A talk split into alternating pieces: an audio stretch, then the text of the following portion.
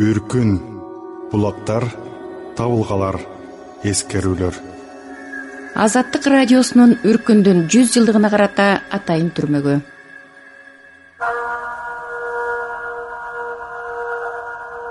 Ушинтип кытайга барып туруп калганыбызга төрт жылдын жүзү болду. Кантсе да туулган жер ала тоо көзгө элестеп күн сайын кусалыгыбыз артып кайра кетсек дегенде эки көзүбүз төрт күндөрдүн биринде ак чийде жашаган туугандарыбыз киши жиберишиптир. Эл журт кайра ата мекенге көчүп жатат. Кеңеш өкмөтү орнотуптур адилет экен. Арзынбай молду да көчсүн деп. Муну укканда жер сагынып эл сагынып араң жүргөн биздин сүйүнгөнүбүздү айтпа. Жаңы туугандарга ажыраш аяк берип жатабыз. Бир гана бек турган үчтөн өтүп тили чыгып калган энемди жалгыз көргө таштап кетпейбиз деп зeenди кейитет куса болгон баланы ырымдап энебиздин мүрзөсүнө алып барып топурагынан жалатып куран түшүрүп жергиликтүү элдин батасын алып алар бизди ардактап узатышып ала тоону көздөй бет алып малыбызды айдап шаңдуу көчүп чыктык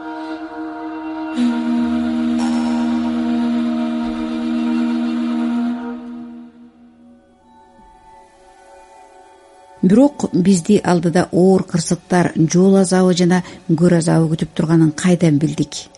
Бул мезгил бир миң тогуз жүз он тогузунчу жылдын бугу май айынын баш ченели улуу чаттан чыкканыбызга эки аптадан ашты. Көчүбүз илкип айдаган койлор уйлар жана минген аттарыбыз ташыркап таш бака жүрүш менен келе жатабыз. Бир эки күндөн кийин беделдин белине таяндык бел таянып суу бойлоп өрдөгөнү эмнегедир күндүн бетин булут жаап коюу жөө туман жол көрсөтпөй будуңчаң түшүп суук күчөп кар аралаш нөшөрлөгөн жаан аягы карга айланып көз ачырбай жай баштады.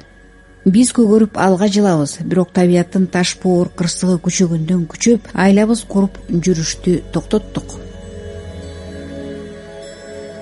Бир аптадан ашык тынбай жааган кар аттардын омуроосунан өтүп ойгойлорубуз менен көмүлүп калгандай эле болдук. Туура он эки күн кар жаады көз ачырбай айлана тунжурап анда мында гана учуп өткөн карга козгон болбосо күндүн көзү көрүнбөйт түнөрөт. Атам да кийинки мезгилде ооруп калды. Нурмамбет деди атам бир күнү эми бул күн ачылбай калды. Айкесер деген мезгилге туш келдик. Тигине малдын алды жерден от ала албай өлө баштады. Биз бул жерде дагы көпкө болобуз. Тетиги башы чыккан сөк сөөл куурайларды терип отун жыйнап саймалачык жаса малдын семиздеринен чекесинен союп өз майына куурдак кылып чаначтарга гүл азык жасап сала бер. Бул күндүн түбү түшүп калган окшойт. Жакында ачылбайт. Беделдин белине чыгып аны андан ары ашып түшкүчө далай азапка кириптер болот окшойбуз. Камыңды көрө бер балам. Ишенгеним сен тиги экөө али жаш. Эс акылың менен бол. Ар кандай жамандыкка даяр тур. Болжоп болобу. Улуу чаттан эл журтка барабыз деп шаңдуу көчүп чыккан биздин ындыныбыз өчүп тунжурайбыз алды артыбызда туугандардан же деги эле адам келе жатабы? деп кылчактасак эч бир жан көрүнбөйт баары эле алдыга кетип калгандай жымжырт. Айлабыз куруп атам айткандай малды четинен союп гүл азык жасайбыз мал деле ачкачылыкка чыдабай биринин жал куйругун бири жеп өлө баштады. Ар кайсы жерде карга көмүлүп турбай калган койдун уйдун өлүгү. Малдан кол жууп калчудай болуп калдык. Өлүп отуруп бир ат эшегибиз жана беш алты гана кой калды. Жарым айга чукул тындырбай кар жаап күн ачылды. Кардын калыңдыгын айтпа. Ат бура тарта албай сайылып калат. Атамдын оорусу да күчөп калды. Нурмамбет деди дагы бир күнү атабыз. Эми бул жерде отура бербей аздап болсо да чилдин арышынча жыла берели. Жолду баскан арбытат дейт. Бул кар муз болуп эми көпкө чейин кетпейт. Ордубуздан эптеп жыла баштадык. Беделдин белин беттеп. Адегенде нурмамбет байкем эски жолдун нугу менен бир чакырымдай чейир салып барып кайра келет анан атамды атка мингизип жетелейт да эшикке тамак ашты жүктөп беш койду артынан чубатып алды да. Мен бек турганды көтөрүп белге чукулдап келатабыз. Нурмамбет байкем эки этегин кайрып көк талдардан кыйып белине илип алган. Андан башка куралыбыз жок. Ач карышкырлар артыбыздан ээрчип алат. Байкем таягы менен тап берип кубалап бирде алдыга өтүп кайра артта калып көчтү кайтарып келатат ошол күнү кечинде бир зоонун түбүнө жетип түнөп калдык. Сөксөөлдөн терип келип от жагып атамды аттан түшүрүп гүл азыктан сууга ысытып берип бектурган экөөнү жаңы эле жаткырганбыз отун түгөнүп отубуз бүлбүлдөп өчүп бара жатат. Бир маалда бая артыбыздан келе жаткан ач карышкырлар жетөө экен тигинде эректе турган беш койдун бирин сүйрөп качышты дагы эки күн жол жүрүп эки күндө калган төрт коюбузду алдырдык эми атыбыз менен жалгыз эшегибиз калды. Эртеси түнү карышкырлар баары кайра келип алышып жатып атыбызды жарып кетти. Жылкынын эти шор болот деп арак аттын этинен кескилеп шорпо кылып калганын карышкырларга сүйрөп таштап жолду улай бердик. Канча кылса да бодонун этин жеген карышкырлар үч түн келбей калышты. Алар эшекти жеп анан бизге кол салчудай түрү бар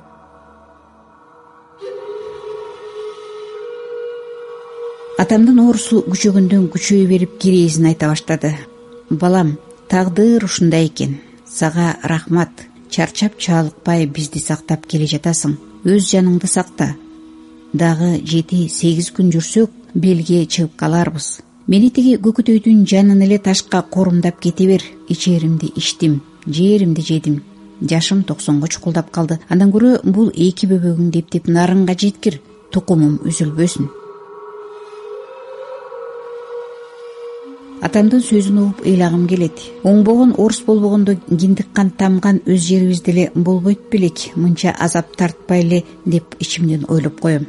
Кийинки түнү баягы топ карышкыр кайра келип эшегибизди жарып кетти. Биз алга жыла бердик. Нурмамбет байкем эми атамды көтөрүп бир топ жерге узап барып ороп отургузуп коет да кайра келип тамак ашты көтөрөт.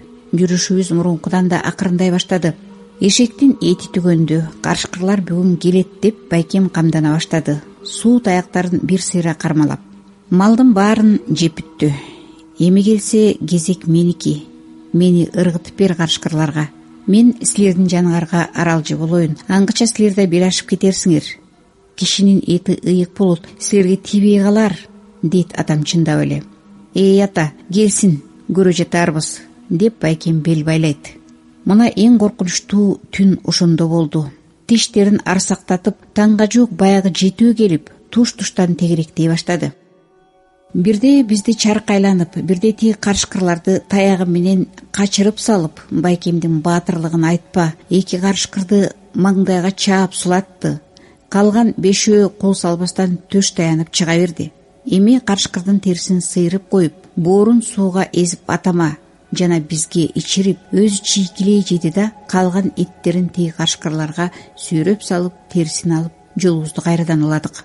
Байкем баягыдан да сүрдүү күчтүү көрүнөт менин көзүмө. Бирде атамды көтөрүп алдыга жеткирип кайрадан азык түлүк ташып деги эле чалыккан түрү билинбейт. Тескерисинче күч алгандай түрү бар. Ошентип беделдин белине чыгып калдык. Баягы карышкырлар да келбей калды биринин этин бири жеген бул жырткычтардын жулкулдашып коктуга абалашып кирип кеткени азыркыга чейин көз алдымдан кетпейт.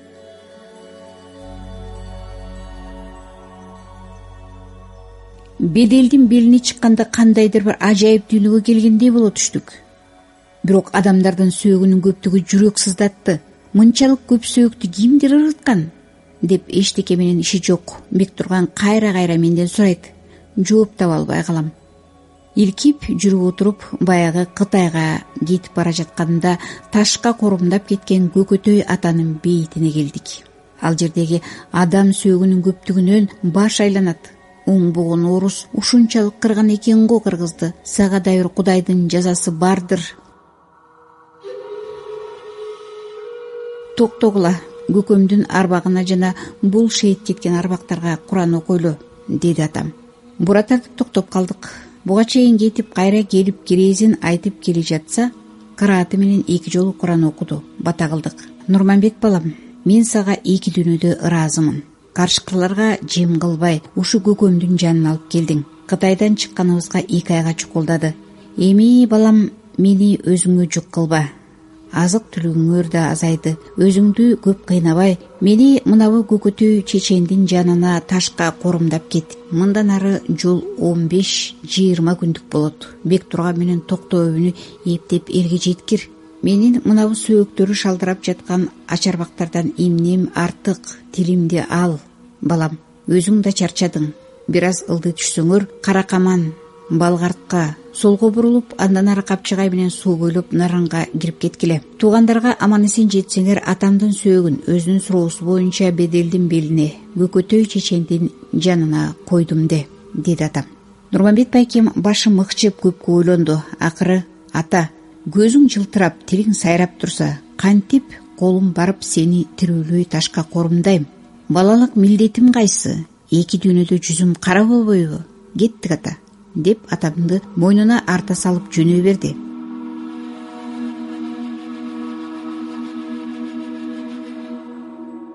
Үркүн булактар табылгалар эскерүүлөр. Азаттык радиосунун үркүндүн жүз жылдыгына карата атайын түрмөгү